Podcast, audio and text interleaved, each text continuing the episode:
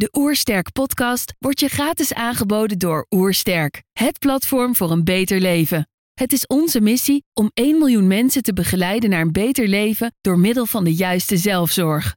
Wil je weten hoe jij kunt werken aan een beter leven? Ga dan naar www.oersterk.nu gezondheidscheck voor onze gratis gezondheidscheck en krijg direct jouw uitslag met persoonlijk advies. Mijn naam is Isabel van Alven en je luistert naar de Oorsterk podcast.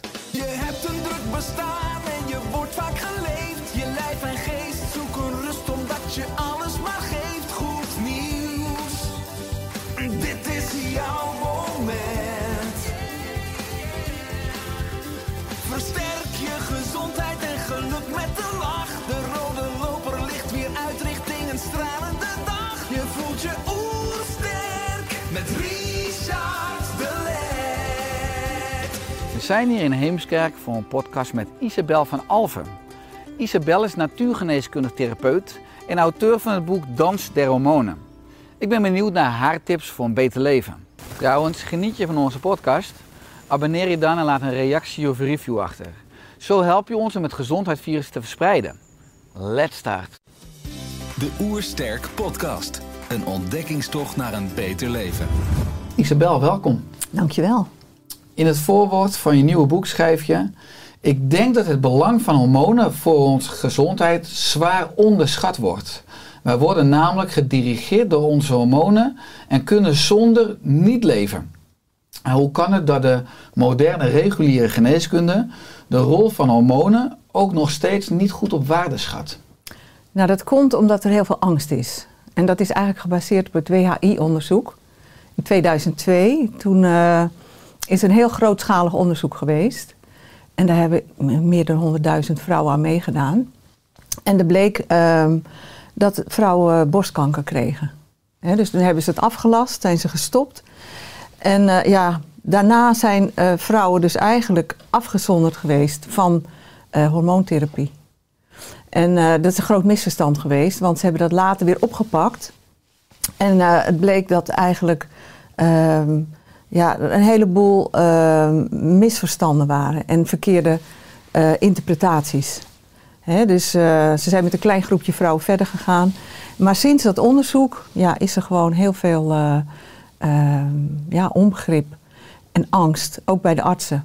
En was dat onderzoek met bio-identieke hormonen of met synthetische hormonen? Het was met synthetische hormonen. Maar er loopt ook een onderzoek, ehm, ik dacht 2007, eh, dat dat gestart is. Eh, dat staat ook allemaal in mijn boek. Dat, ehm, dat was wel met bio-identieke hormonen. Maar ehm, ja, het bleek dus vanuit eh, dat WHI-onderzoek dat vrouwen borstkanker kregen. Ehm, maar het was een beetje een raar onderzoek, want normaal pak je één iets eruit. Hè? Dan zeg je we gaan estradiol of oestrogeen onderzoeken. Maar ze hebben dus en progester- progesteron in de chemische vorm, hè? dus eh, niet bio-identiek. En ze hebben oestrogeen onderzocht. En ehm, omdat ze, ja, ik bedoel, als je een vrouw met een baarmoeder hebt die je alleen oestrogeen geeft, dat gaat niet goed. Hè, die moet je ook progesteron, want zo gaat het in de natuur ook. Gas en rem, ja. Ja, en die horen bij elkaar, die moeten ook in balans zijn. En eh, toen kwam er uit dat de borstkanker kwam, dus ze dachten dat komt door oestrogeen. Maar ze waren vergeten dat progesteron in de chemische vorm, progestagene noem je dat, dat dat eigenlijk de grote boosdoener was. En dat is in later onderzoek is dat eigenlijk naar buiten gekomen. Het verkeerde paard hebben ze gewet. Ze hebben dat Ja. niet juist geïnterpreteerd. Ja. Nee, klopt. Eh, ja, wat ik mooi vind, ook heel breed, zal terugkomen in deze podcast. Wat ik ook teruglees in je boek. Hè, jouw fascinatie voor natuurlijk leven en eten. Ja, Ehm, en vanuit een sterk kwaliteitsbewustzijn en liefde voor de natuur, lees ik, heb ik mijzelf eerst geschoold in natuurlijk leven en eten. En in hoeverre leven of eten we in de moderne maatschappij nog natuurlijk? nou dat kun je eigenlijk niet zeggen. Meer. En dat was ook al in mijn jeugd. Hè, ik bedoel, eh, de industrie kwam op. En ik weet nog dat wij eerst eh, brood van de bakker hadden. En eh, toen was het ineens in de supermarkt te krijgen. Nou, veel goedkoper, dus mijn moeder kocht dat. En er was meer, meer lucht, weet je wel. Dan dacht je, nou, ja, vreemd. Dus ik heb het wel een beetje, die ontwikkeling zo eh, meegemaakt. Maar ehm, ja, het, het, is, eh, het is ver van wat bij de, de natuur hoort. Ze zijn helemaal afgedwaald. En ik vind het juist zo interessant om te kijken van... ehm, ja, hoe ging dat vroeger? Dat heb ik ook bestudeerd. Als je ziet dat vroeger ja, voedsel gefermenteerd werd... zodat het langzamer, eh, langer houdbaar was. En, en dat vind ik eh, fantastisch. Dus dat, dat doe ik ook. Hè, pikkelen noem je dat. Eh, er is ook een heel leuk boek over. Verrot lekker heet dat. En er staan ook allemaal leuke dingen hoe je dat kan doen. Van Christina Wij. Ja, klopt. En ehm, ja, ik heb dat, ik heb dat eigenlijk van, van kinds af aan heb ik dat meegekregen. Want ik, ik heb eerst, eh, ja, mijn vader was banketbakker, dus ik ben eigenlijk opgegroeid met suiker. En op een gegeven moment merkte ik van, dat doet me geen goed. Tenminste, ja, je merkt gewoon dat je, ja, dat je heel, als ik suiker at, dan, eh, dan was ik heel, heel blij. Dus dan kocht ik van mijn zakgeld drie marsen. Want mijn moeder had het niet in huis. En daar hadden we geen geld voor. Hè, maar dan kocht ik dat van mijn zakgeld. En dan at ik ze alle drie op. En dan, eh, dan dacht ik, oh nee, dit is niet goed voor je. En dan dacht ik, nou, dat doe ik niet meer. En de volgende week deed ik het weer. Dus dat is ook de verslaving. En wat ik merkte is dat, dat eh, gewoon die, die fabrieksvoedsel, wat, wat dus opkwam in de jaren 50, 60, dat dat, ehm, ja, dat dat gewoon eigenlijk lege voeding is wat je niet voedt. Dus, dus ja, ik kreeg ook eh, al heel jong slecht gebit. En, en ehm, ja, ik voelde me gewoon niet stabiel. En angstig. Ik was ook heel angstig als kind. Dus als mijn moeder mij naar bed bracht, dan eh, zei ik: Mam, er ligt niemand onder mijn bed. Hè, en eh, geen enge man. En ik moest alles controleren. Echt angst. En dat is wat suiker doet. Hè. Dat heb ik later geleerd. Dat dat. ehm, ja, het is een soort drug. Hè. Het is natuurlijk erger dan cocaïne. Verslavende stof. En eh, ja, net wat ik zei, ik kon het niet laten om het elke keer te kopen. En eh, ja, toen ik twintig was, toen ehm, kreeg ik ook les. Dan heb ik allerlei eh, cursussen van, ja, niet alleen eh, wie ben ik, maar ook, ja, hoe eet je gezond, wat moet je doen. En toen leerde ik dus dat suiker eigenlijk helemaal niet zo goed is. Want op school leer je, ja, het is energie. En, en ja, als, ik, als je moest studeren ook, nam je Mars, weet je, om gewoon lekker helder te blijven. En, ehm, maar het heeft natuurlijk een achterkant, zoals alles. En eh, ja, voedsel is eigenlijk zo gedenatureerd nu. Het is nu nog gewoon nog veel erger. Hè, dus ehm, mensen raken ook, ik zie het ook in mijn praktijk, dat mensen echt eh, steeds, steeds, eh, je ziet het bij hele jonge mensen al. En het probleem is dat er nu zo'n zo'n enorme, ehm, ja, zo'n zo'n enorme eh, claim ligt eigenlijk op vegetarisch en veganistisch eten. En ik heb zelf een hele tijd macrobiotisch gegeten, hè, dus ook eigenlijk geen vlees. Ja, zo vanaf mijn 21ste jaar. Maar ehm, ja, ik ben toch. eh, ik kwam mensen op mijn pad die zeiden van: Goh, je moet, zou het goed voor jou zijn om wat vlees te eten? En dat ben ik toch wel weer gaan doen. Maar je ziet dus hè, CO2. ehm, en, en ja, het is, het is voor de mensen niet goed. Het was voor mij niet goed. Ik heb het zelf ervaren. Hè. Ik zeg ook altijd, ook in mijn lessen zei ik altijd van eh, non credo. Geloof me niet, ervaar zelf. Hè, want de een zegt dit, de ander dat. Dat was in mijn zoektocht ook. Hè, ik deed een cursus. De een zei suiker is goed of, of honing is goed. Suiker was eigenlijk altijd een taboe. Maar ja, en een ander zei eh, nee, het is niet goed. En, en ja, wat is nou wijs? Hè, wat, wat is nou de waarheid? Dus ik, ik, ja, ik ben altijd heel nieuwsgierig ook geweest. En, en dingen onderzocht. En uh, nou, nu ben ik nu 66, dus ik denk ja, ik heb het een en ander doorlopen en gedaan en studies gedaan. En uh, ja, de manier waarop ik me nu voed, daar voel ik me eigenlijk heel goed bij. Mhm. Ja, want je volgt, uh, je volgt een natuurgeneeskundige opleiding in Zwitserland. Ja. je deed ook een vijfweekse kooktraining in Engeland. Uh, je volgde dieetleren bij een Amerikaanse expert. Ja. Dan keek je altijd over de landsgrenzen heen qua mogelijkheden om te leren en te Ja. groeien. Ja, vond ik heel interessant.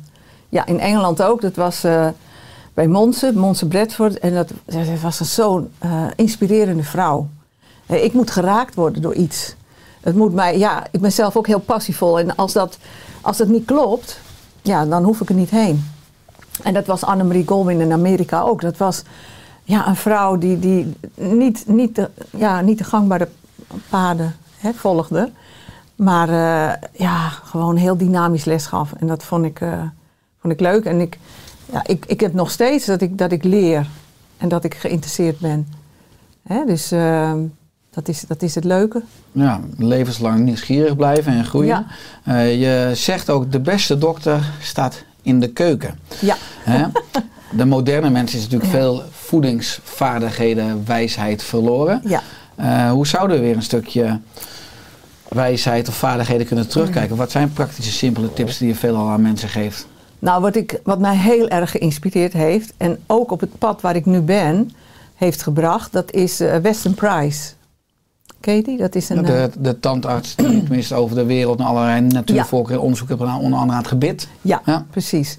En ehm, ja, dat, dat vind ik zo eh, kloppend ook. En je ziet ook bij hem, ehm, hij is dus naar 14 groepen mensen geweest en heeft gezien dat die mensen geen degeneratie hadden. En die waren dus afgezonderd van de westerse voedingsgewoontes. en hij zag ook ehm, ja, dat vrouwen op 60-jarige leeftijd nog vruchtbaar waren. En ook dat eh, mannen op 90-jarige leeftijd in het veld nog stonden te werken. En hij heeft het opgeschreven en hij heeft gekeken van hoe doen ze dat? Wat eten ze? Hoe leven ze?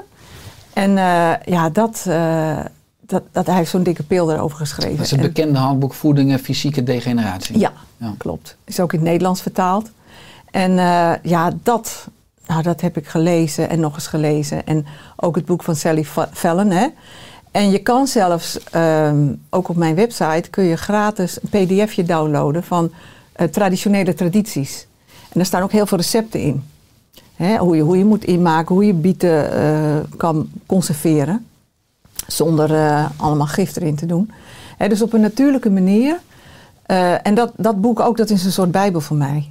Ik ben het ook heel vaak met mijn patiënten, weet je, dan neem ik het gewoon door. Van, ehm, ja, hoe, hoe zit het nou? Wat is nou gezonde voeding? En waar bestaat het uit? En hij schrijft dus ook ehm, dat vegetarische voeding niet bij ons mensen past. Er was ook in al die 14 groepen mensen, of gemeenschappen moet ik zeggen, hè, de Hunza's eh, in, in, hè, in de Himalaya, de, eh, in Afrika, op de Noordpool. Hij is overal geweest. In Zwitserland, een dorpje wat helemaal afgesloten was. Er was geen enkele groep die vegetarisch. Hè, in Afrika aten ze dan wel eh, sprinkhanen, hè, dus niet echt vis of vlees Insecten, ja. insecten. En ehm, ja, dus hij, hij heeft daar heel veel onderzoek kunnen doen. En dat Ja. vind, daar hecht ik, ja, vind ik wel heel belangrijk. Ja, want eh, voeding, en ook specifiek dan suiker, maar heeft een grote invloed op je hormonen. Eh, je beschrijft in je boek diverse hormonen, zowel voor een vitale vrouw als voor een vitale man. Ja. Nou, laten we bij de vrouw starten. Hoe kan het dat bij veel vrouwen, ook jonge vrouwen, de hormonen uit balans zijn? Nou, dat komt ook door de moderne leefstijl. Ehm, het komt door het hectische leven. Hè. Je gaat dan heel gauw, eh, krijg je toch dat je bijnieren eh, vermoeid raken, uitgeput raken. En dan, ehm, ja, dan, dan, eh, ja, de bijnieren die maken dus cortisol aan en adrenaline. En ehm, ja, op een gegeven moment, het werkt heel nauw samen met de schildklier, die alles aanstuurt. Dat is onze motor. En dus onze leefstijl, laat naar bed, lang op het internet kijken, eh, te weinig bewegen.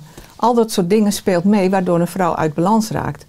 Maar je ziet, hè, je ziet eigenlijk, vroeger was het vanaf de menopauze, hè, of tenminste vanaf 40 jaar, hè, dat je zei van, eh, ja, een vrouw die krijgt wat klachtjes.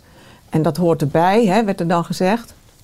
Maar ehm, ja, ik, ik zie al jonge vrouwen van in de twintig, die komen bij mij dat ze, ja, weet je, als ze naar de huisarts gaan, dan zegt de huisarts vaak van, eh goh joh, ehm, ja, alles klopt. Hè. Ze hebben bloedonderzoek laten doen, bloedwaarden zijn goed, maar ja, nou, ik weet het niet. Nou, dan krijgen ze antidepressiva.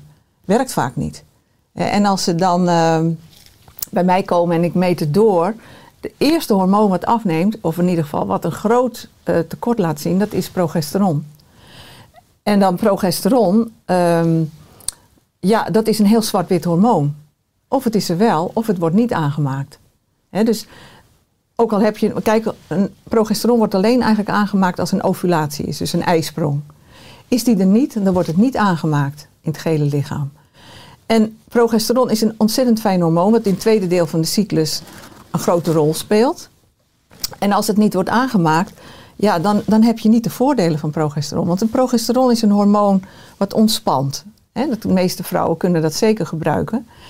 Maar het is ook een hormoon wat je, ehm, ja, waardoor je eh, goed in je, in, je, in, je, in je vel zit. Het zorgt ervoor dat je goed slaapt. Het zorgt ervoor dat vet verbrandt. Dus het doet een heleboel goede dingen. En ehm, dat is eigenlijk het hormoon waar, eerst, waar het grootste mankement aan is. Al bij jonge vrou- vrouwen ook, hè? En dan, ehm, Maar ook omdat overleven of chronische stress, dus cortisol, ten koste gaat bijvoorbeeld van de progesteron. ja. En wat, weet je wat er ook gebeurt? Als cortisol is vaak eerst, als er heel veel stress is, is het hoog. Maak je hoge levels aan. En dan op een gegeven moment wordt het chronisch. Ja, en dan raken de bijnieren uitgeput.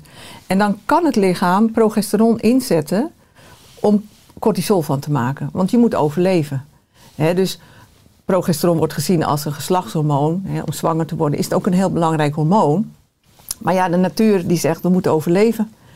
Hè, dus eh, als een leeuw jou aanvalt en, eh, en je, je wil een kind krijgen, ja, dan gaat het er eerst over dat je veilig eh, uit die zone bent. Dus ehm, ja, cortisol is natuurlijk een heel, heel belangrijk hormoon. En dat is ook een hormoon wat eigenlijk bij uit, eh, bijnieruitputting ook ja, gewoon Opgeofferd wordt. Opgeofferd wordt. Ja. En dan wordt, kan progesteron dus ook opgeofferd worden om die cortisol toch nog een beetje aan de gang te krijgen. En dan, ja, je raakt dan totaal uit balans.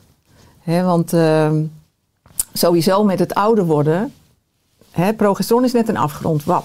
Het is er wel of het is er niet. En het, ja, niet elke cyclus ben je meer vruchtbaar. Is er geen ijsprong meer op een gegeven moment, hè, 35, 40 zo.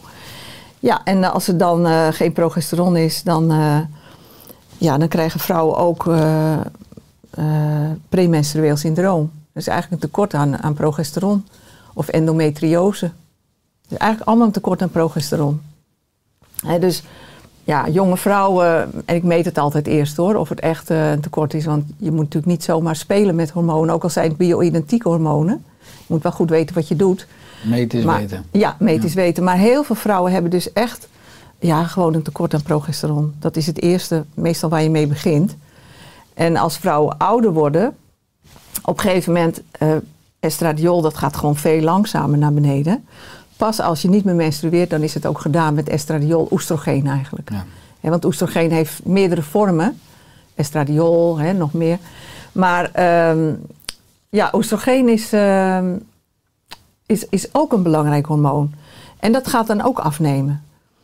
En dat is, dat is een hormoon wat zo'n 300 reacties in het lichaam doet. Dus je kun je wel voorstellen, het is niet alleen maar ehm, ja, een geslachtshormoon.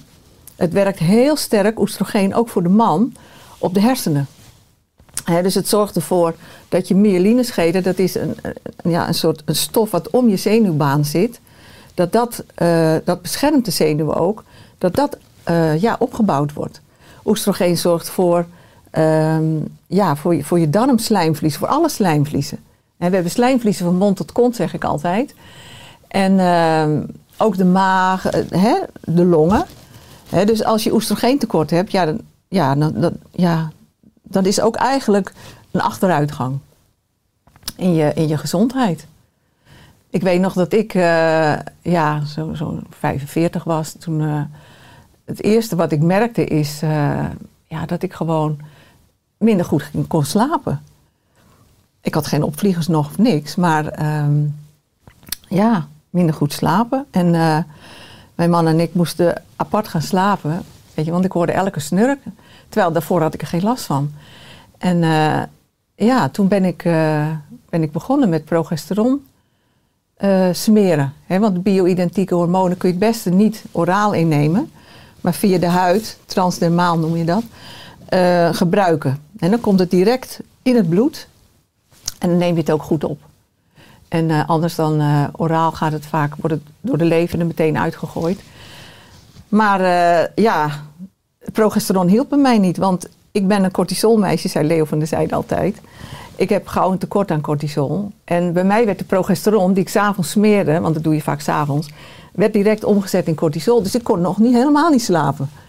En eh daar ben ik ook door ervaring, kom je erachter. Als ik progesteron gebruik, moet ik het in de ochtend doen. Maar toen ik estradiol ging smeren, nou, ik kon weer heerlijk, sliep ik. Ik wist niet wat me overkwam.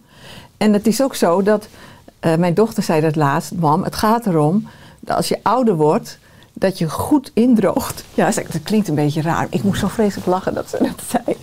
En ze zegt, ik vind jou mooi ingedroogd. en, eh, maar, maar estradiol zorgt ervoor dat je, het is een opbouwend hormoon. Progesteron ook wel. Maar eh, het zorgt ervoor je slijmvlies, dat je darm goed is. Want je weet, je darm, slijmvlies zijn natuurlijk heel belangrijk. Maar ook collageen. Weet je wel, dat je huid, dat je niet zo gauw rimpelig wordt. Je ziet vrouwen die dus echt een hormoontekort hebben. Die worden ja, heel droog en, en eh, droge vagina. Vrij is niet fijn meer. En dat, ja, dat zijn toch allemaal hormoontekorten. En dat hebben vrouwen soms al heel jong hoor. Als je kijkt naar eh, jonge vrouwen bij wie eh nou, hormoononbalans kunnen optreden door nou, onder andere chronische stress, maar ook verkeerde voeding, suiker wat je benoemt. Aan de andere kant zie ik bij heel veel jonge vrouwen en meisjes zie je dat eh, ze de pil slikken, de anticonceptiepil. Wat is jouw visie op dit middel? Wat heel veel vrouwen, ook jonge meisjes nemen. Ja, het verbaast mij dus. Het verbaast mij dus dat artsen dood zijn voor bio-identieke hormonen en hormonen. eh, Ook voor vrouwen in de overgang. Maar dat ze de pil, ik bedoel, Nederland is een land waar, zo, waar zoveel de pil over de toonbank gaat. Dat kun je niet voorstellen. Ik kan me dat niet voorstellen. Dan denk ik, hoe kan dat? En, en jonge meisjes, ik heb ze ook in de praktijk, die krijgen vanaf 12 jaar al, omdat ze acne hebben, krijgen ze de pil al en die slikken dat al 30 jaar. En dan komen ze bij mij totaal uit balans. En de pil eh, voor de luisteraar en kijkers zijn seno-oestrogenen. Eh, het, zijn, het, zijn, eh, ja, het zijn gewoon chemische, nagemaakte hormonen van de vrouw. Er zit vaak iets van progesteron in, soms testosteron hè, en, en natuurlijk. Maar het zijn, het zijn geen natuurlijke hormonen. Nou wil ik niet zeggen dat bio-identieke hormonen natuurlijk zijn. Want het zijn ehm, hormonen die natuurlijk ook ehm, gemaakt worden. Ook door de fabriek. Maar het is wel zo dat ze. ehm, ze hebben dezelfde moleculaire structuur als onze endogene, onze lichaams-eigen hormonen. En worden ook door het lichaam herkend. Hè, maar, maar als jij de pil zou maken van bio-identieke hormonen, ja, dan, dan kun je er niet voor zorgen dat een vrouw niet zwanger wordt. Dus ze moesten het wel eh, zo sterk maken dat je echt niet zwanger wordt. Dan moeten ze het ware chemisch ingrijpen. Ja, ja. Maar het heeft zo'n grote nadelen. Het heeft enorm veel nadelen. En eh, ik snap dus ook niet, als vrouwen in de overgang zijn, dan krijgen ze ook vaak de pil. Omdat ze dan heftig gaan vloeien. Hè, door, dat noem je oestrogeendominantie, maar het is het eigenlijk niet. Want oestrogeen neemt ook af. Alleen doordat progesteron zo enorm keldert, krijg je dat er meer oestrogeen is. En dan gaan vrouwen heftig vloeien. Hè, want oestrogeen is een hormoon ja, dat bloed, bloed geeft. Het moet de baarmoederwand, die opgebouwd wordt, moet het weer afbreken. Ze hebben eigenlijk een progesterondeficiëntie. Eigenlijk dat. Onvoldoende progesteron, ja. Ja, Eh, maar ja, nu zijn er ook heel veel eh, natuurlijk vrouwen en eh, meisjes die de pil slikken. Vaak al bijvoorbeeld wat je ook zegt bij huidklachten. Maar ook vooral natuurlijk omdat ze niet zwanger willen worden. Hè. Vroeger Mhm. had je gezinnen met 10, 12, 14 kinderen. Nou, aan de ene kant Ja. is het fijn dat we nu aan de andere kant het kunnen beïnvloeden. Maar het is wel een ruilhandel. Eh, Ja. Wat zijn betere alternatieven om te voorkomen dat je zwanger wordt? Want je beschrijft natuurlijk ook een aantal in je boek. ja, ik beschrijf een aantal in mijn boek. Ja, ik vind bijvoorbeeld eh, de DAISY, hè, dat is een natuurlijke methode. Dat je temperatuur meet en, en eh, dat gaat dan niet meer zoals mijn ouders dat vroeger deden met een thermometer. Maar dat is dan een apparaatje, hè, dan kunnen ze dat, kun je dat precies zien wanneer je een ovulatie hebt. Een cycluscomputer. Ja, Ja. Ja. cycluscomputer. En eh, ja, zo, zo heb je nog een aantal. Ja, je hebt het over de Billingsmethode, ook natuurlijk gewoon temperatuur meten. Ja, Maar natuurlijk ook wat enorm betrouwbaar is, de Natural Family Planning, de NFP. ja, Ja, maar Ja. wat een combinatie is natuurlijk van verschillende ja, precies. Dat is een combinatie. Maar ik heb natuurlijk zelf drie dochters en eh, ja, die zitten met hetzelfde probleem. en eh, ik, ehm, ik ben dan, weet je wel, dan zijn ze ook aan het kijken. Nou, mijn, mijn middelste dochter die heeft jarenlang Nuvaring eh, gebruikt. Die werd er heel dik van.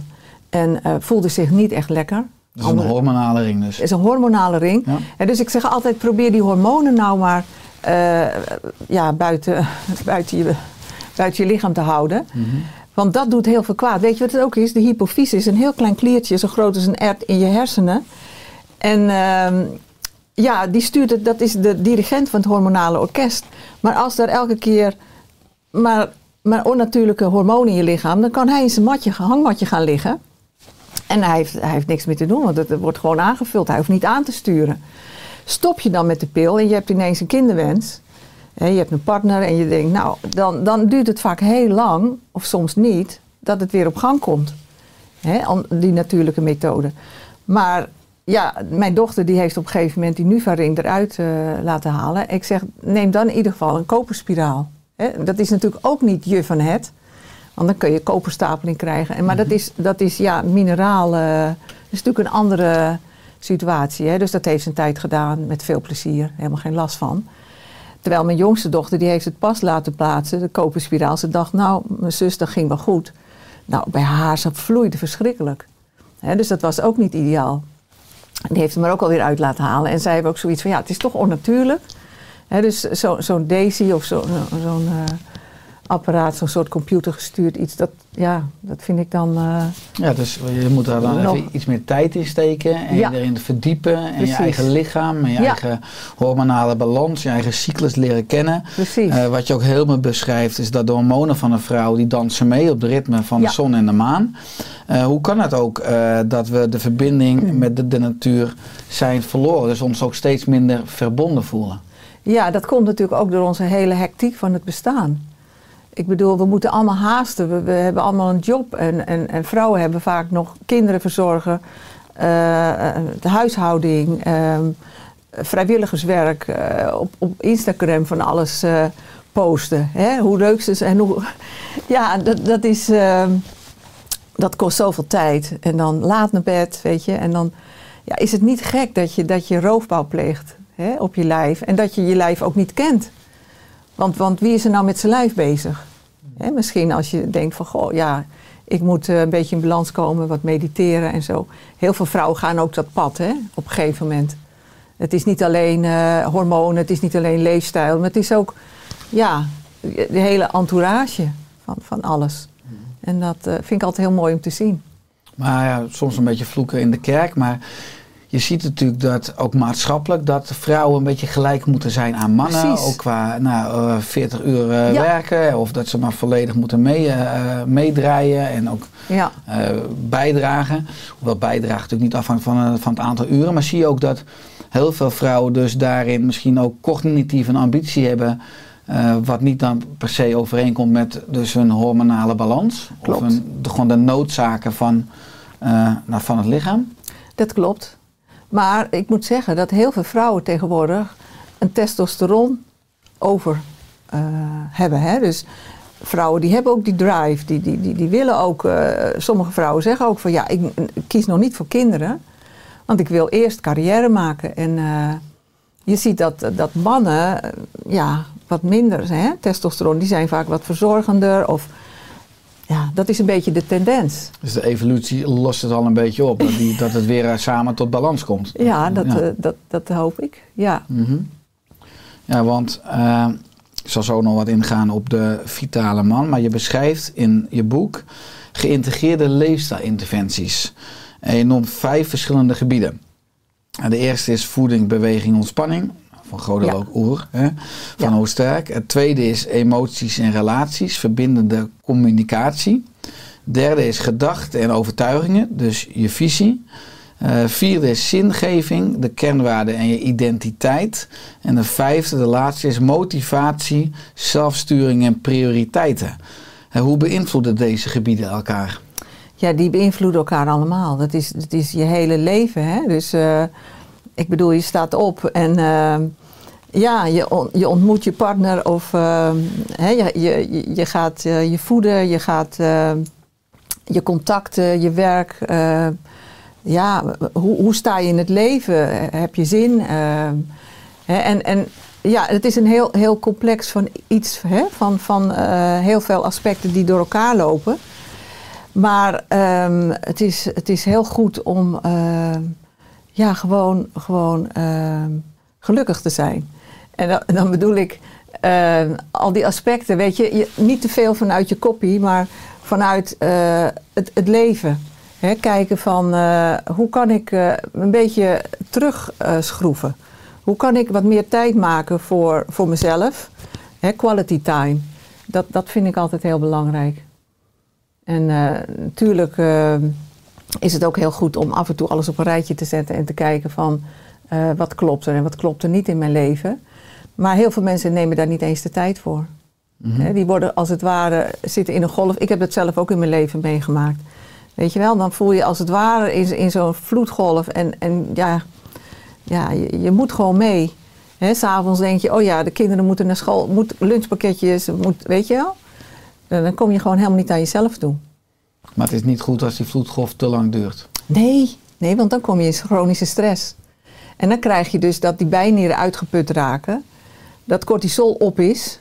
Hè, dat wordt weinig meer aangemaakt. Dat wordt trouwens regulier niet erkend. Hè? Nee. Bijna uitputting, nee. Nee, Nee. nee. Dat, je moet echt ziekte van Addison hebben. Dat je helemaal niks meer... En dan krijg je ook het medicijn.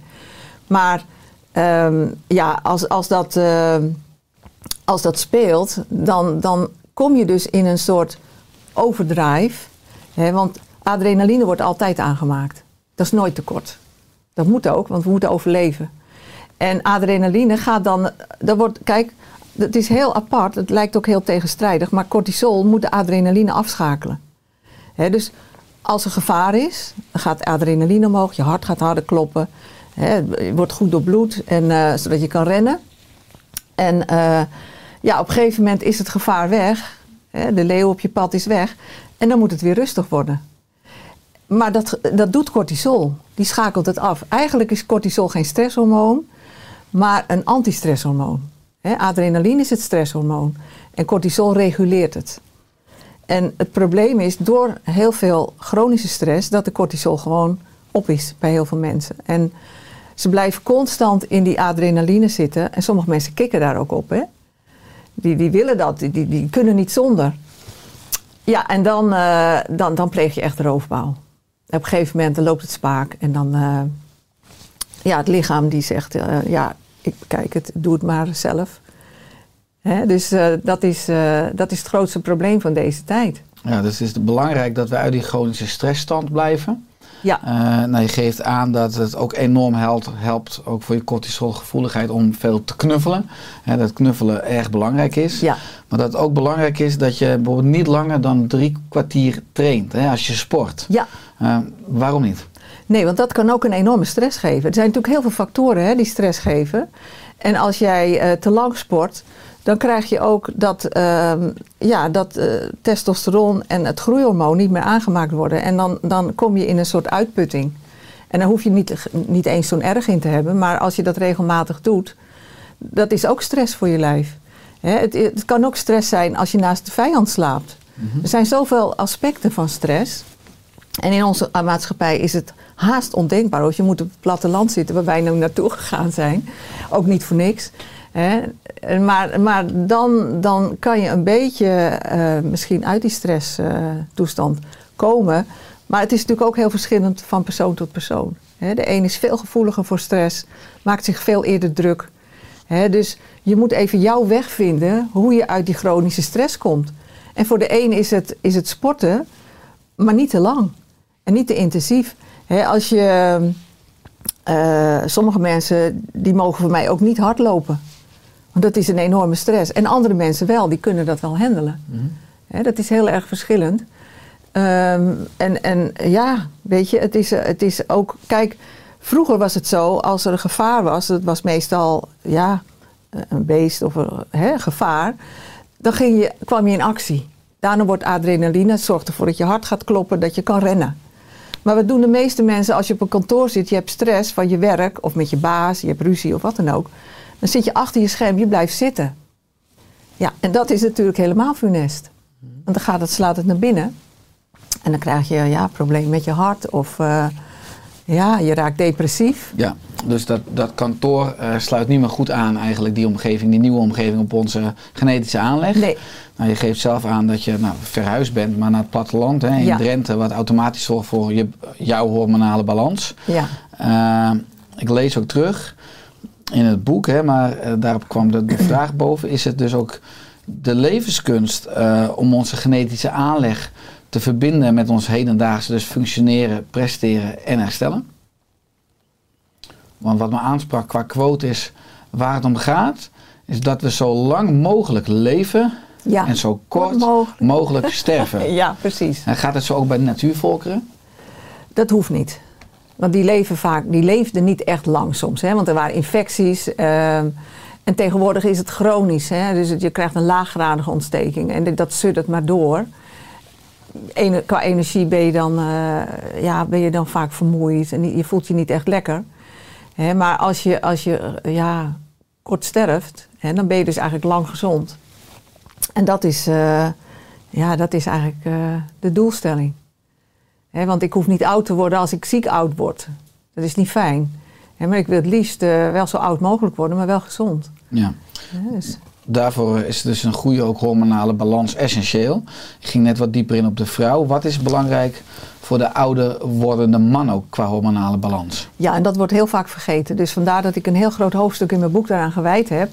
Omdat ik in de praktijk ook merk dat mannen, ehm, ja, die staan er niet zo bij stil. Hè, dat zij ook een andropauze hebben. En dat het, kijk, bij de man gaat het heel langzaam. Want die zijn ook nog vruchtbaar natuurlijk op oudere leeftijd. Maar ja, de man die, die krijgt wel degelijk ook, heeft ook heel veel stress vaak. En, en ehm, ja, dus je ziet, je ziet bij de man dat bijvoorbeeld het hormoon DHEA, dat is zo'n belangrijk hormoon voor de man. En dat heeft de man ook meer. En het is het hormoon wat het meest aanmaakt in het lichaam.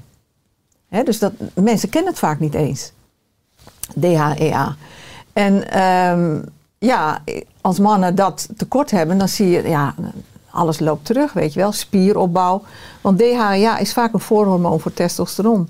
En testosterondeficiëntie, ja, mannen krijgen er bijna allemaal last van. De prostaat vergroot, eh, ja, ze krijgen allerlei. Je ziet wel eens, ik vind het altijd wel komisch als je bijvoorbeeld op de camping kijkt. En je ziet daar mannen zitten naast voor een caravan. Een man en een vrouw. En dan zie je die man, eh, een beetje bosjes. En, en de, de vrouw die, die be- bepaalt alles.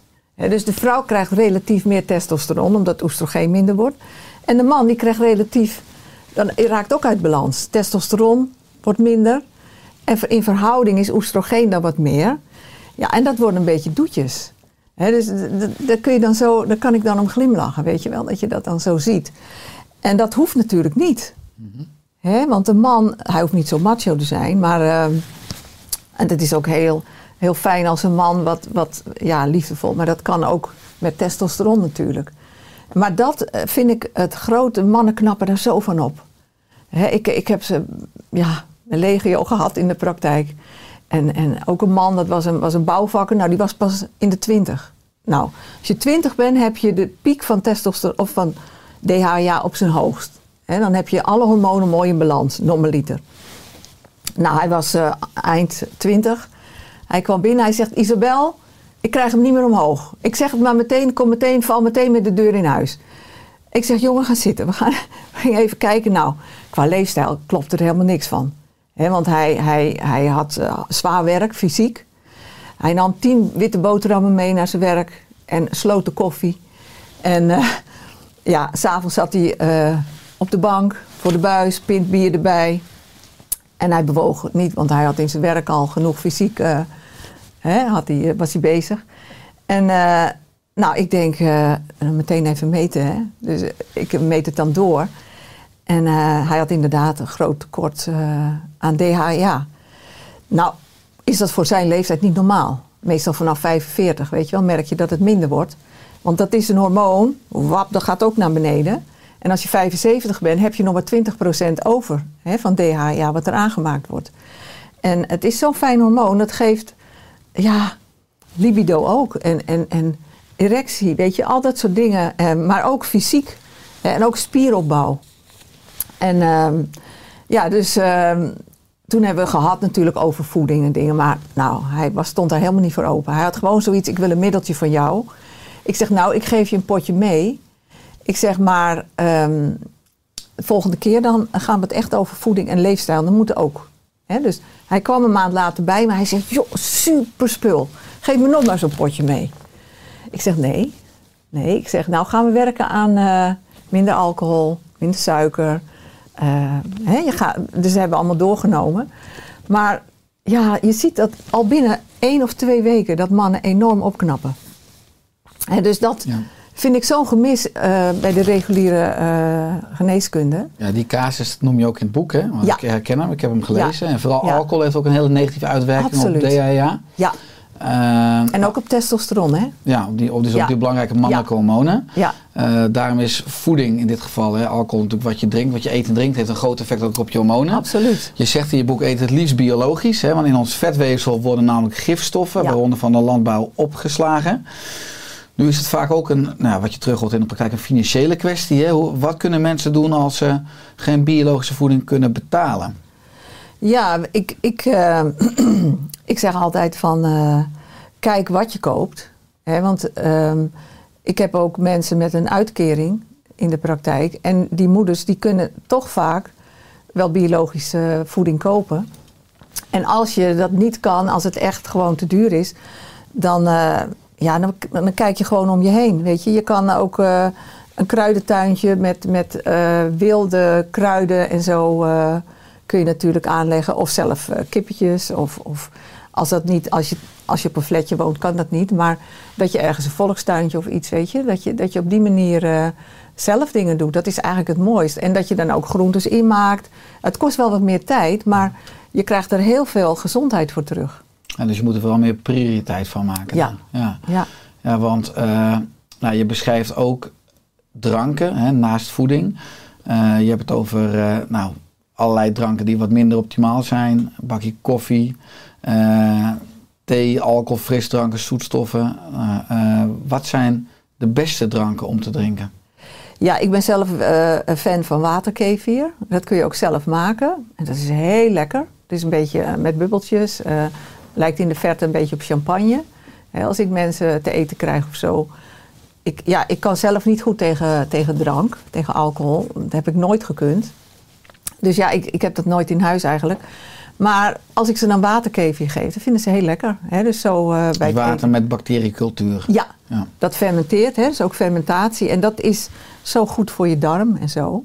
En ehm, ja, verder, eh, ik had trouwens nog een pakje mee voor je. Dat is Tjaukulan thee.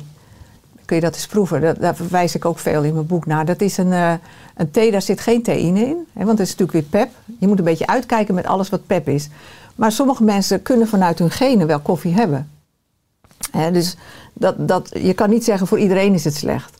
Hè, maar je moet weten wat het doet. Het activeert die adrenaline. En als jij niet goed kan slapen en, en je bent angstig, dan moet je dat een beetje rustig krijgen. Dus eh, de downers noemen we dat dan. Ehm, maar maar eh, ja, heet het? Joukeland thee is een hele... Ik drink hem bijna dagelijks. Eigenlijk wel dagelijks. Omdat daar een soort ginseng-achtige stofjes in zitten. En ja, dat, zitten ook, ja, je slaapt er goed op. Het, het, het reguleert de bloedsuiker. Het is tegen tumor. Het is, en het is een hele lekkere thee. Het lijkt een beetje op groene thee. En kruidenthee is natuurlijk ook, kun je afwisselen. Hè? Ja. Ik ga het ervaren. Naast voeding is het natuurlijk ontspannen enorm belangrijk. Eh, daar heb je vele Ja. ingangen voor. Eh, je hebt je verdiept in vele vormen van dans en beweging. Ja. Eh, welke rol heeft beweging en dans in preventie, maar ook herstel van klachten? Heel belangrijk. Bewegen is een van de belangrijkste dingen. Naast ademen, hè? want dat is ook heel belangrijk. Maar ehm, ja, ik zeg altijd, als, ik heb mensen, weet je wel, die worden dan behandeld en zo. En dan zeg ik op een gegeven moment, als ze een beetje kriebelig worden van het zitten, dan zeg ik, zet even die lever in beweging. Dus de lever die heeft ruimte nodig. Als jij de hele dag zit, ja, lever is zo belangrijk. Die moet alle gifstoffen verwijderen. Dus ehm, gewoon even, al loop je maar even heen en weer. En, en dans is natuurlijk daarnaast, eh, ik heb altijd heel graag gedanst. Ja, kun je, kun je daar ook je emoties in kwijt. Je kunt dingen verwerken. En ehm, het is het voedt de ziel. Je kan er heel gelukkig van worden. Ehm, en en ehm, Ja, dat, de beweging, eh, lekker naar buiten, hè, dat voedt ook de natuur. Nu vind ik het ook heerlijk, al die groene, gro- dat groen van die bomen. En dat is zo'n mooie kleur groen, vooral in het voorjaar. Hè, dat, ja, dat voedt gewoon het hart. Hè, dat is het hartchakra mee verbonden. En ja, op die manier, ehm, ja, ik zou het ook meer willen doen. Hè, maar, maar het is belangrijk dat je, dat je die prioriteiten wel, eh, wel legt. Ja, want de moderne mens leeft veel vanuit het hoofd, hè, minder vanuit het lichaam. Ja, Je hebt veel creatieve expressievormen gedaan, zoals schilderen, zingen Ja. en ook klank- en stemwerk. Wat heeft het jou gebracht? Ja, het heeft mij eh, echt wel ook eh, dingen laten verwerken. eh, uit, uit het verleden. Hè, we hebben natuurlijk allemaal een verleden en een rugzakje. En bij mij was het ja, door de dansexpressie, door eh, schilderen. Ja, dat, dan kan je gewoon. Je zet een lekker muziekje op. Je gaat gewoon, als je boos bent, hup, weet je wel. En, en ehm, ja, dat heelt. Het heelt. En ik vind het ook met klanken maken. Hè, dat heb ik, ik heb heel veel gedaan omdat ik het zo fijn vond. Of meditatief lopen, weet je. Dan, dan, ik ben ook iemand die best wel veel vanuit zijn koppie eh, werkt, vooral vroeger. En eh, ik kon eigenlijk niet stilzitten. En, en door dit soort dingen te gaan doen, ja, is gewoon heel fijn. Of eens een keer een, een stilte te doen. Hè, dat je niet praat. Ik praat ook vaak te veel. En, en door dat soort dingen te doen, kom je echt, ga je het pad naar binnen. En Ja, dat is ook helend. Ja, want als heel jong meisje had je al een sterke interesse in het hoe en waarom van dingen. Ja, ik ben altijd nieuwsgierig. En ook al eigenlijk een stuk een vraagstuk van eh, jezelf accepteren en liefhebben. Hè? Ja. Dat je ook schrijft dat het pas start vanuit een ander. Dat je dan pas ook een ander lief eh, kan hebben Ja, en accepteren. Dat alles start bij jezelf, hè, wat je schrijft. Ja, Eh, nou, dat, dat, daarvoor is een stukje rust belangrijk om ook af te dalen in jezelf. Eh, nou, je had het net over, eh, over voeding, waar ik ook wat over uitvroeg. Heel veel mensen hebben natuurlijk chronische stress en spanning. En jij schrijft ook vermijd spanning, eh, wat de enzymproductie afremt. Heeft onze spijsvertering het moeilijk in het moderne leven? ja, heel moeilijk. Ja, heel veel mensen, ook jonge mensen, hebben al tekort aan maagzuur en enzymen. En enzymen die zetten alles in gang, hè. het zijn de katalysatoren. Dus ja, weet je, heel veel mensen moet ik ook maagzuur bijgeven, pillen. Hè. Ik, het liefst werk ik zonder pillen. Maar dat is tijdelijk dan even nodig om dat allemaal een beetje op gang te krijgen. Dat die spijsvertering goed gaat. En, en eh, ja, het stukje uit de maag, dus het duodenum, hè, dunne darm, daar, daar vinden zoveel processen plaats op een hele kleine plek. Hè, de pancreas die moet natuurlijk enzymen geven, Alvleesklier, ja. alvleesklier. En ehm, dan heb je de gal, hè, die moet natuurlijk ook eh, komen om het vet te verteren. Ja, en je ziet eh, als mensen zinktekort hebben, wat heel veel mensen hebben, hè, mineralentekort is enorm.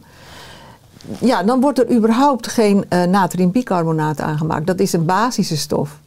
En zonder dat, ja, heel veel mensen verzuren. En als je verzuurt, hè, dan krijg je ook ehm, eh, problemen met, met ontstekingen. Hè, je hele immuunsysteem raakt van slag. Hè, dus en waar zo- moet je beginnen? Dus ook in de spijsvertering is de zuurgraad al enorm belangrijk. Ja, enorm, enorm. Want zonder een goede zuurgraad eh, kun je ook niet goed je mineralen opnemen. En ehm, ja, het alles, alles heeft, hangt daarmee samen. En het leuke vind ik dus dat als je gaat ademen, en ik bedoel ja, goed ademen, dan kan je ook wat aan je verzuring doen. Want mensen denken van ja, verzuurd en zo, dat moet dan via de voeding en dan moet ik basis eten, dan moet ik meer groente en fruit. Nou, natuurlijk, is ook belangrijk. Maar als je goed gaat ademen, hè, dus je hebt inademing en eigenlijk moet je langer uitademen en dan in de pauze, dat je dus even niks doet, dan vindt de gaswisseling plaats. En want heel veel mensen die ademen ook veel te hoog en te snel. Hyperventileren zonder dat ze het weten. En dan krijg je ook last van angsten en die adrenaline, weet je. Dus ook om die chronische stress wat eronder te krijgen, is het... he- Ja, ademen was voor mij echt een eye-opener. Toen ik dat ging doen, toen merkte veranderde er heel veel. Werd ik rustiger, kon ik beter slapen, was ik gelukkiger. Dus ja, dat is voor mij, als je, als je weinig kan doen met biologische voeding, ga in ieder geval ademen.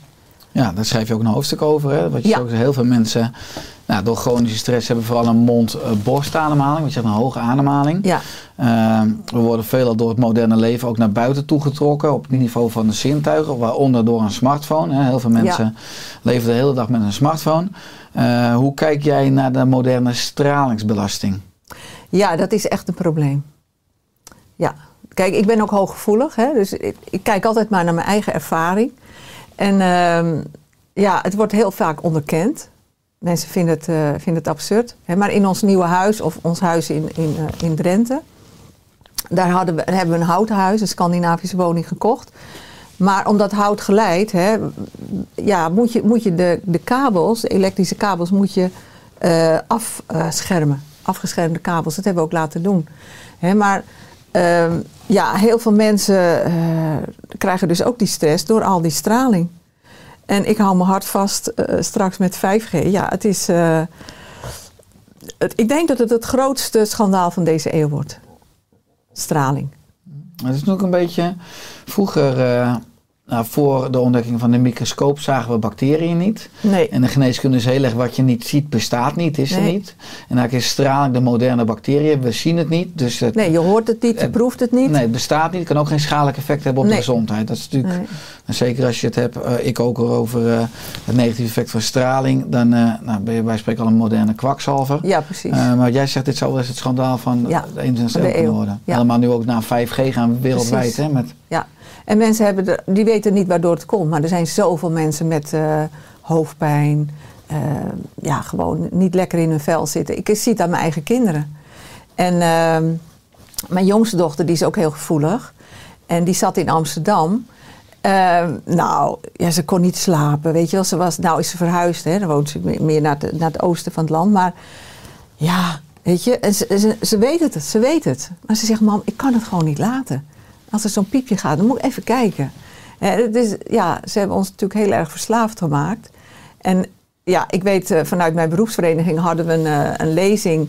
En dat ging dan helemaal over hoe zet je je op de kaart als therapeut. En ehm, nou, dat was een hele, het was een trainer, hè, die ging ons dan, en dan moest je allemaal je smartphone pakken, maar ik heb geen smartphone. Dus ik zat om me heen te kijken, ik ben ik de enige? Ja, dat in mijn omgeving wel. Hè. Dus, dus ja, ik denk, wat doe ik hier eigenlijk? Maar dat werd helemaal begeleid en dan moest je dit en, en dan moest je op Instagram en, en al die dingen. En Dat heb ik ook allemaal niet. Weet je wel? Ja, ik ben een beetje mensen, ja, heel apart mens eh, uit de oude, van de oude, oude doos, zo gezegd. Maar ja, mijn dochters, die, eh, ja, die hebben zoiets van. eh, ja, ze gaan ook al bewust ermee om. Maar dat is zo verslavend en dat is het grote probleem. Ja, want hoe langer je op die apps bent, hè, die notificaties geven, hoe meer dat bedrijf waard is. Want hoe langer de klanten natuurlijk erop zijn, dus ze Tuurlijk. willen je continu zeg maar, hoekt houden. Ja. Nou, ik heb zelf ook alle notificaties eh, uitgezet. En bijvoorbeeld Ja. ook mijn telefoon op grijs tinten, waardoor het veel minder interessant is, want ik heb geen kleur. Eh, maar hoe kunnen we ons beter ook beschermen tegen die stralingsbelasting in zijn algemeenheid? Nou, in ieder geval zorgen voor sterke bijnieren en geen uitgeputte bijnieren. En in ieder geval niet vegetarisch en nog erger veganistisch eten. Niet doen. Hè, want bijnieren, als je uitgeputte bijnieren hebt, die kunnen niet herstellen op een veganistisch dieet. Nee, want cortisol eh, wordt eh, aangemaakt uit cholesterol natuurlijk, Ja. van uit eiwitten en vetten. En bedoel je dan te zeggen dat mensen die vegetarisch of veganistisch eten vooral een tekort hebben aan die belangrijke bouwstenen? Vooral eiwitten, hè? Eiwitten, vetten. Dus dan missen ze ook de, vitamine, de vetoplosbare vitamines. En ehm, ja, bijvoorbeeld tryptofaan, dat zit niet in plantaardige voeding. Vitamine A zit niet in plantaardige voeding. Wel carotene, de voorstof. Maar dan heb je nog geen vitamine A, kun je daarvan maken. Dus het lichaam, ehm, ja, ook als ik kijk naar Western Price, die heeft gewoon eh, ja, je moet voedsel hebben wat je voedt. En ook als je aan zo'n mobiel zit, dan moet je gewoon je sterk maken. Dus een sterk immuunsysteem, een sterke bijnieren, je lever. En dat, dat doe je toch door ja, je goed te voeden. Ja, en als je al wat zwakker bent of je minder goed voelt, zou je juist van de telefoon af mogen. De telefoon wat minder moeten Absoluut. gebruiken. Ja, bewust mee om. Maar dat is vaak het probleem, omdat het zo verslavend is. Hè? Mensen nemen zich dat voor of ze doen eh, een weekje eh, mobiel vasten. Eh, hè, dat gaat dan wel goed, maar soms ook niet. En ja, die verslaving. Hè? En, en hoe kom je uit een verslaving? De ene mens is gevoeliger, is verslavingsgevoeliger dan de ander. Sommige mensen kunnen meteen stoppen met roken en de ander niet. Dus dat geldt ook voor de mobiel. Mhm. Maar ehm, het is in deze tijd best een pro- probleem. Omdat alles gaat met, met zo'n eh, QR-code. En, en ja, dus, dus de hele overheid speelt er natuurlijk ook op in. Hè? En eh, ja, ik, ik weet ook niet eh, of ik het nog volhoud. Eh, om, ik heb dus 2G op mijn mobiel staan, maar ik kan alleen maar eh, sms'en, maar verder niks. Er zat geen internet op. Ja, want ik heb natuurlijk wel een mobiel als ik in de auto stap, dat ik, als ik iets krijg, dat ik kan bellen. Hè, dus ik heb sinds kort een mobiel hoor. maar maar het is, eh, ja, het is voor de meeste mensen ondenkbaar. Hè, zonder een mobiel. Ik bedoel, eh, het is het moderne leven. En daar moet je natuurlijk ook in meegaan. Ja. Maar ja, je moet jezelf beschermen. En, en hoe doe je dat? Nou, inderdaad, door, door ja, toch ook die andere kanten van het leven hè, te belichten. De- de- gewoon eens eh, niks doen. eh, hè. Lummelen. Ja, Ja. het is ook heel goed als je zit, weet je wel. Eh, mijn moeder zei vroeger, zo ben ik opgevoed, van als ik dan een beetje zat te staren, dan zei ze: Kind, ga wat doen. Hè? Dus, nou, zo ben ik. Dus ik, ik was ook, ben ook altijd bezig. Maar nu zit ik soms, weet je wel, na het eten zit ik lekker zo een beetje te staren. En dat is het moment waarop ideeën opkomen. Dus dat is, dat is heel fijn. En ook s'morgens als ik wakker word, ik ben een ochtendmens, dus ik ben altijd ja, zes uur, half zeven, word ik gewoon automatisch wakker zonder wekker. En dan lig ik nog heerlijk zo met mijn handen op mijn buik, lekker, eh, ja, zo lekker, eh, weet je wel. Dan ben je nog in een soort eh, ja, status waarin je hersenen nog niet zo eh, meteen eh, snel, ja. ja. En dat, dat zijn eh, kostbare momentjes. En dan heb je ook het idee dat je leeft. Want ehm, ja, als elke dag hetzelfde is met op je mobiel en werken, weet je wel. Ja, ik heb ook, ik heb ook heel hard gewerkt en ik heb zo'n twintig jaar dat ik denk, ja, het had wel één jaar kunnen zijn. De, de momenten dat je, dat je echt rust hebt en lekker even met jezelf, weet je wel. Dat zijn, dat zijn momenten dat je denkt, nou, nou leef ik. Dus dat is... eh, belangrijk om iedere dag te genieten en ook echt Ja. die momenten te creëren. daar moet je want echt voor zorgen, ook als moeder met een gezin. geleefd. Ja. Ja, en dat je ook echt zegt van nou ga de deur dicht, ik wil door niemand gestoord worden even. En desnoods, eh, ik zeg wel eens tegen mensen, leef als, alsof je een moment in het paradijs bent. Elke dag. Moet je elke dag doen. Nou, wat is voor jou eh, in het paradijs? Sommige mensen zeggen ik ga lekker douchen, of ik ga lekker in bad, of ik ga drie keer douchen. Of ik ga een rondje buitenom. Maar even, ja, even de knop om. En bewust, hè? Want dan heb je ook het gevoel van.